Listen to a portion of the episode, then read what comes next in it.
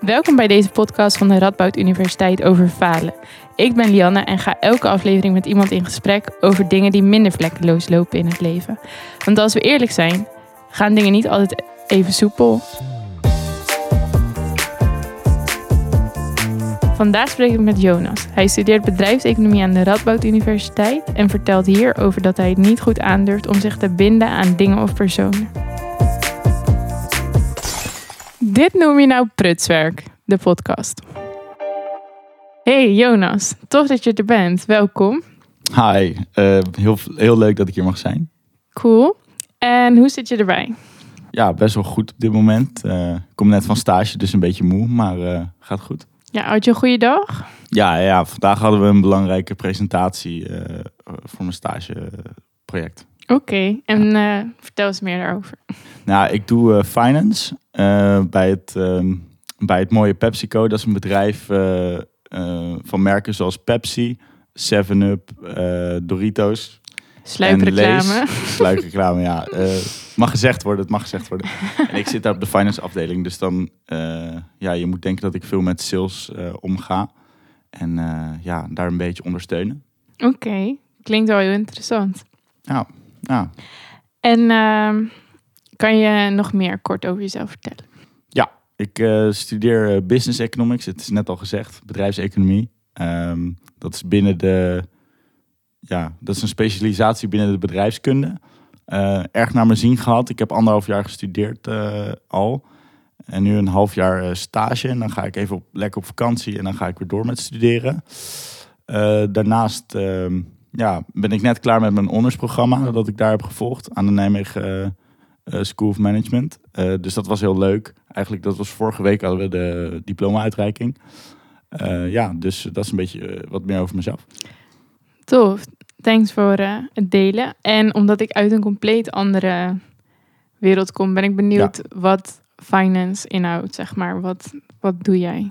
Ja, dat is een hele lastige vraag. En ik ben geen eh, AK-docent die gaat zeggen, de- het is alles wat er bestaat. Ehm, nee, het is, ja, het is lastig eh, vaak om te zien wat je dan eigenlijk eh, van, de, van buiten, wa- wat er gedaan wordt. En het is ook heel verschillend, want je kan heel veel soorten finance op. In dit geval is het een bedrijf dat ja, chips verkoopt en drankjes. Dus dan ben je heel veel bezig met, ehm, ja, ik ben bijvoorbeeld bezig met promo-analyse. Dus dan ga je analyseren wat werkt er wel, wat werkt er niet eh, binnen, een, eh, eh, binnen een promotie. Nou, dat is heel interessant om ook financieel naar te kijken. Ehm, dus dat is iets waar ik nu ook, dat ik nu ook gepresenteerd heb vandaag, wat ik al vertelde. Ehm, nou, en je hebt eigenlijk heel veel soorten finance. Ja, het kan zo gek eh, niet of er is wel een financiële afdeling voor. Ehm, dus je moet dan denken aan investments, eh, ja, of bij een bank werken als, eh, als een bepaalde risk specialist bijvoorbeeld. Dat zijn allemaal dingen. Je kan op heel veel manieren ja, in de finance zitten. Ja, En ik op mijn eigen manier. ja, precies. En wat je dan nu doet voor stage, vind je wel ook echt leuk. Ja, nou, het is, eh, ik ben een beetje ingerold, omdat ik eigenlijk, ehm, ja, ik hoef voor mijn studie geen stage te doen, maar ik dacht, nou, laat ik dat gewoon doen. Ja, vond ik leuk. Ehm, en dat heeft misschien ook met het onderwerp te maken waar we het straks over gaan hebben, maar goed. Ja, ja, precies. Maar voordat we het daarover gaan hebben, ben ik benieuwd of jij nog een grappig faalverhaal hebt. Ja, er staat hier een eh, zak Doritos. Eh, Ja. Die had ik meegenomen als cadeautje ehm, eh, van mijn stage natuurlijk. Daar ben ik eh, heel dat- dankbaar voor. Ja, ehm, maar het is, ehm, ja, ik had er eigenlijk twee meegenomen. Ook één voor onze, onze grote man achter de schermen, Huub. Die zit hier, eh, die doet de sound. En ehm, ja, daar had ik er ook één voor meegenomen. Maar ja, die ben ik in de trein vergeten. Heel dom. Maar ja, Echt waar? ja dus eh, dat is, ja, ik, ik kom hier met één aan en ik had er twee meegenomen. Dus dat is helaas. Maar ja, Ah, sad. Nou, ik kan de helft wel meegeven aan Huub. Maar ehm, ik hoop dat er dan een treinreiziger is die eh, wel heel blij is met jou. ja, ja, nee, er zitten altijd twee kanten aan. Hè? Ja. klopt. Precies. Oké. Maar ehm, wat is hetgeen eh, wat voor jou lastig is? Of waar je tegenaan loopt? Ja, je hebt het net al een beetje geïntroduceerd. En ik vind het een vervelend woord, dat ga ik nog wel zeggen, maar ik kon geen synoniem vinden. Nee. Ehm, ja, na lang zoeken. Maar goed, eh, bindingsangst. Ja.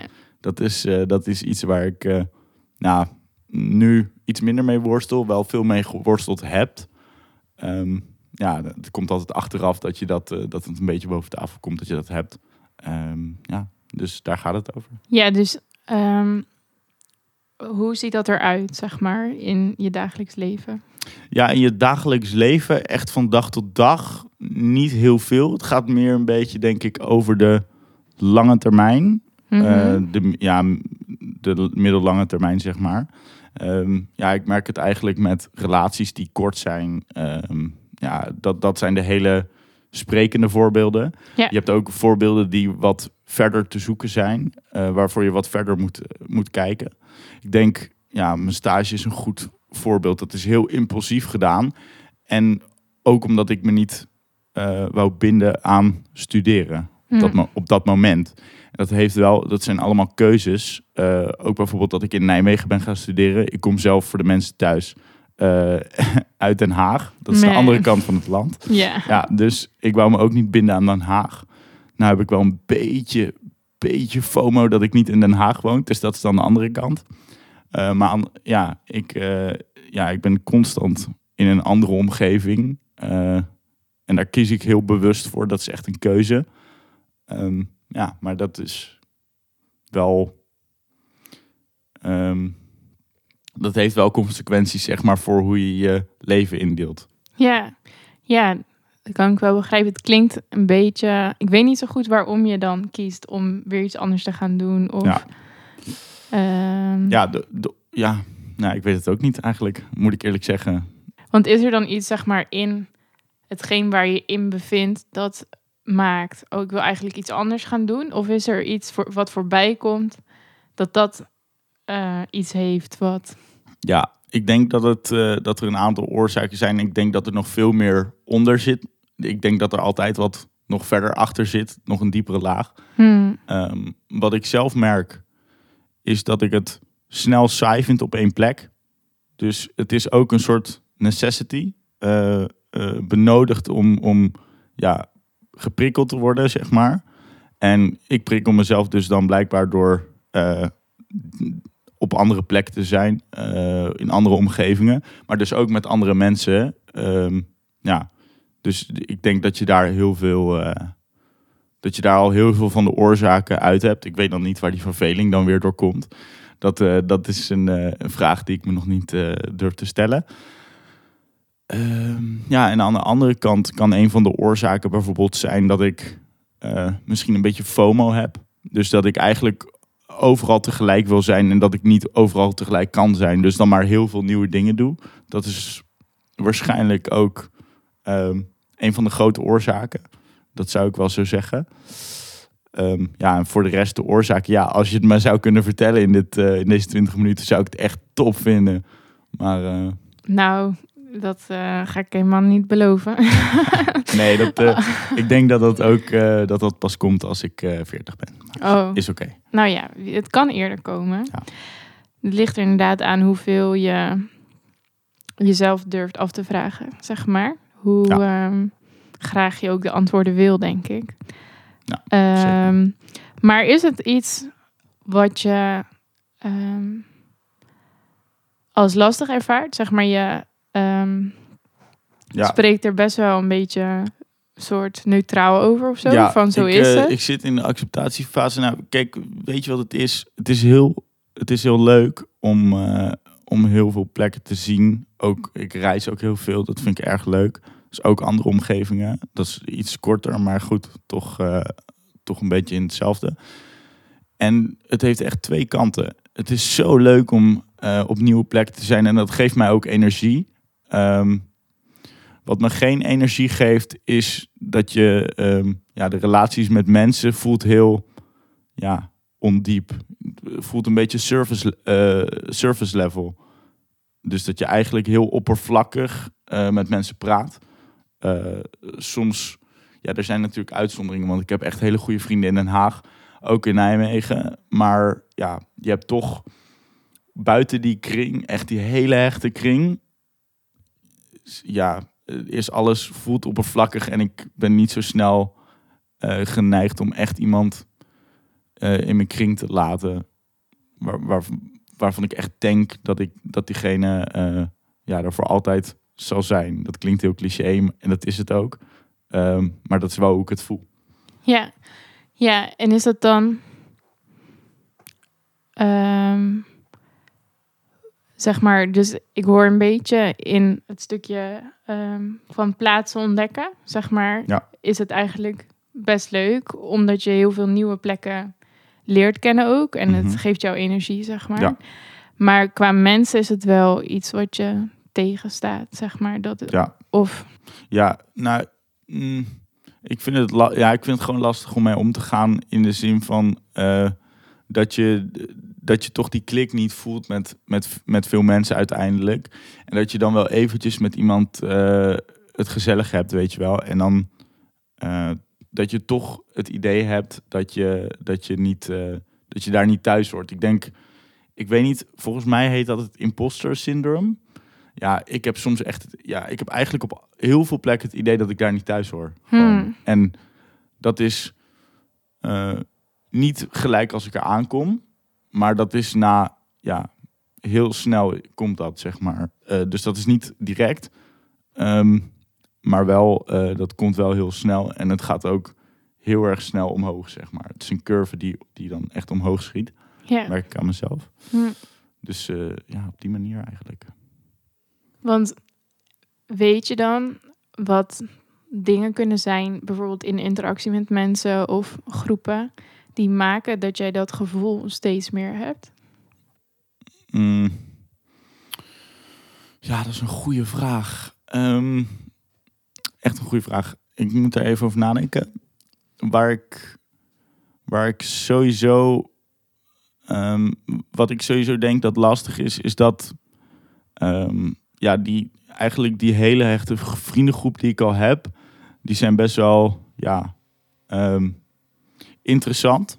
Ik ga het interessant noemen. eh, voor. eh, omdat ik niet een ander woord ervoor heb. Eh, maar dat zijn echt mensen met echt één bepaalde persoonlijkheid, zeg maar. En ze zijn allemaal net iets anders, maar toch wel echt een, een hele verschillende, originele persoonlijkheid. En ik denk dat ik daardoor wel echt ehm, ja, met die mensen omgaan, omga. Eh, dus, en ik denk dat ik dat gewoon niet in andere mensen zie. Wat heel stom is, want ik heb ze op de middelbare eh, gevonden.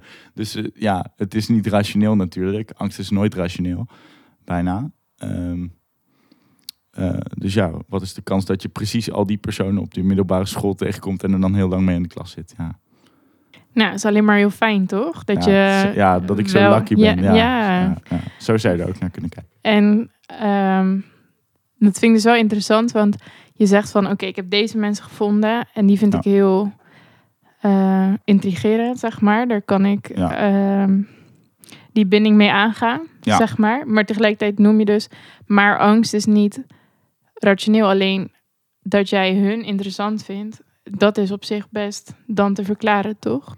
Ja, het is wel te verklaren, maar ja, waarom je iemand leuk vindt is lastig te verklaren, zeg maar. Ja. Dus dat is dan ja, niet in die zin wel rationeel dat je iemand aardig vindt of interessant of, of origineel of excentriek of nou, noem eh, alle woorden die er een beetje op lijken op. ja, en ik, ik denk dat ik ja, dat dat rationeel is in, in die zin. Maar ik denk dat je er ook naar kan kijken in de zin van, ja, waarom vind je, vind je bijvoorbeeld een bepaalde tafel mooi? Of waarom vind je die dan niet mooi, zeg maar? Ik objectificeer het nu, wat niet Mhm. mijn bedoeling was. Maar ehm, ja, dat is, vind ik niet rationeel. Hm. Je, je, ja, iedereen kan ook dezelfde tafel mooi of lelijk vinden. Dus, ja, dat is, dus dat is lastig om daar, eh, daar echt een onderscheid in te maken. Ja, ja, ja, ja, absoluut. En dat snap ik ook heel goed. Alleen als jij, ehm, zeg maar, zegt dat er dus dan een angst is richting andere mensen, ehm, is, is dat dan, hoe ervaar je die angst als iedereen een soort mens heeft, waarmee die beter kan dan anderen of zo, zeg maar. Ja, ik voel die angst in de zin dat ik me echt benauwd voel als ik zeg maar, ehm, ja, gewoon echt fysiek benauwd ook. ehm, als ik met andere mensen ben, lang. eh, ik denk, ik ga nu drie weken met, mijn, eh, met een van mijn beste vrienden eh, op vakantie. Ehm, ja, dat is toch wel een dingetje, zeg maar. En ik vond het heel leuk toen, ik, toen we het gingen boeken. Maar Mhm. nu staat het voor de deur, zeg maar. Ik ga over een paar weken. Hmm. Dus ja, dat is, het is zelfs met die vriendengroep is het natuurlijk wel... Ja, drie weken lang met één iemand zijn. Dat is zwaar. Dat is voor iedereen zwaar. En ik denk dat dat lastig gaat worden, bijvoorbeeld. Daar moet ik me Mhm. overheen zetten, denk Hmm. ik. Ik moet me sowieso vaker, eh, ja, denk ik, overgeven aan de situatie. Hmm. Ehm, nou, dat is, dat is wel lastig. Ehm, dus ik denk ook, zel- zelfs binnen die kring zijn er wel momenten dat ik me dan benauwd zou kunnen voelen. Dat heb ik tot nu toe nooit gehad, maar daar ben ik dus wel bang voor. Dat dat weer gaat gebeuren. Want ja, eh, ja eigenlijk dat. Ja. Ik zit er nog een beetje middenin, zeg maar. Ik heb, ik, ik heb een beetje die eh, afleveringen gekeken en ik zag, in de, ik hoorde eh, dat het inderdaad vaak ging over gefaalde studies of gefaalde, eh, wat was het ook weer, stages? toch? Ja, ja, ja. precies. Ja, uh, supergoeie afleveringen. Ehm, eh, en ik denk dat ik er iets meer in zit, zeg maar. Dus het is heel raar om hierover te praten. Ik heb, ik heb ook nog nooit een psycholoog gesproken. Hmm. Zou ik een keer moeten doen. Lijkt me, lijkt me wel goed. Uh, maar in ieder geval heel mooi dat dat uh, op deze manier kan. Um, ja. ja, ik ondervind er dus niet dagelijks echt heel veel last van. Dus ik denk ook niet dat ik echt een probleemgeval ben. Um, nou, het is wel hoe ik het voel. Ja, nee, maar ik vind juist zo mooi dat je je verhaal zo alsnog deelt, middenin. Want ik denk dat het voor luisteraars soms ook irritant kan zijn om alleen maar goed afgeronde uh, faalverhalen ja. te luisteren, zeg maar. Um, dus, en uh, het is ook gewoon heel echt, zeg maar, dat je dingen niet ervan begrijpt en dat sommige dingen dan veel doen. Maar net zo goed als je dan zegt dat je heel benauwd wordt, zeg maar. Ja. Wat zijn dan de sensatie die je ervaart? Of wat, wat gebeurt er met je? Ja, um, ja gewoon je benauwd voelen. Um, dat is gewoon ja, eigenlijk een symptoom. Ik denk niet dat dat. Um, ja, ik denk wel echt dat het daardoor veroorzaakt wordt door die gedachten, zeg maar. Het zit ook in je hoofd natuurlijk, maar uh, ik denk dat die di twee dingen, en ik ben niet een uh, professional, maar ik heb wel het idee dat dat samenspeelt. En ik heb ook, um, ja, wat, je dan voelt eigenlijk is, je voelt je benauwd, je voelt je, um, ik denk dat het heel dicht tegen claustrofobie aan zit. Uh, dat is ook een soort angst. Ja, dat heb ik zelf niet uh, in, in het ruimtelijke, zeg maar. Uh, maar zo voelt het wel, zeg maar. Ja. Ik denk dat dat heel erg. Ja, ik kan niet. Ik voel niet precies wat die mensen voelen, denk ik, die dat hebben. Uh, maar ik denk wel dat je er heel dichtbij zit, zeg maar. Ja, dus echt, echt een fysieke reactie, zeg maar. Ja, ja het is soms erger dan. je, je, hebt soms, je hebt het soms minder. Um, maar ja, en ook soms helemaal niet, terwijl je het wel zou verwachten, zeg maar.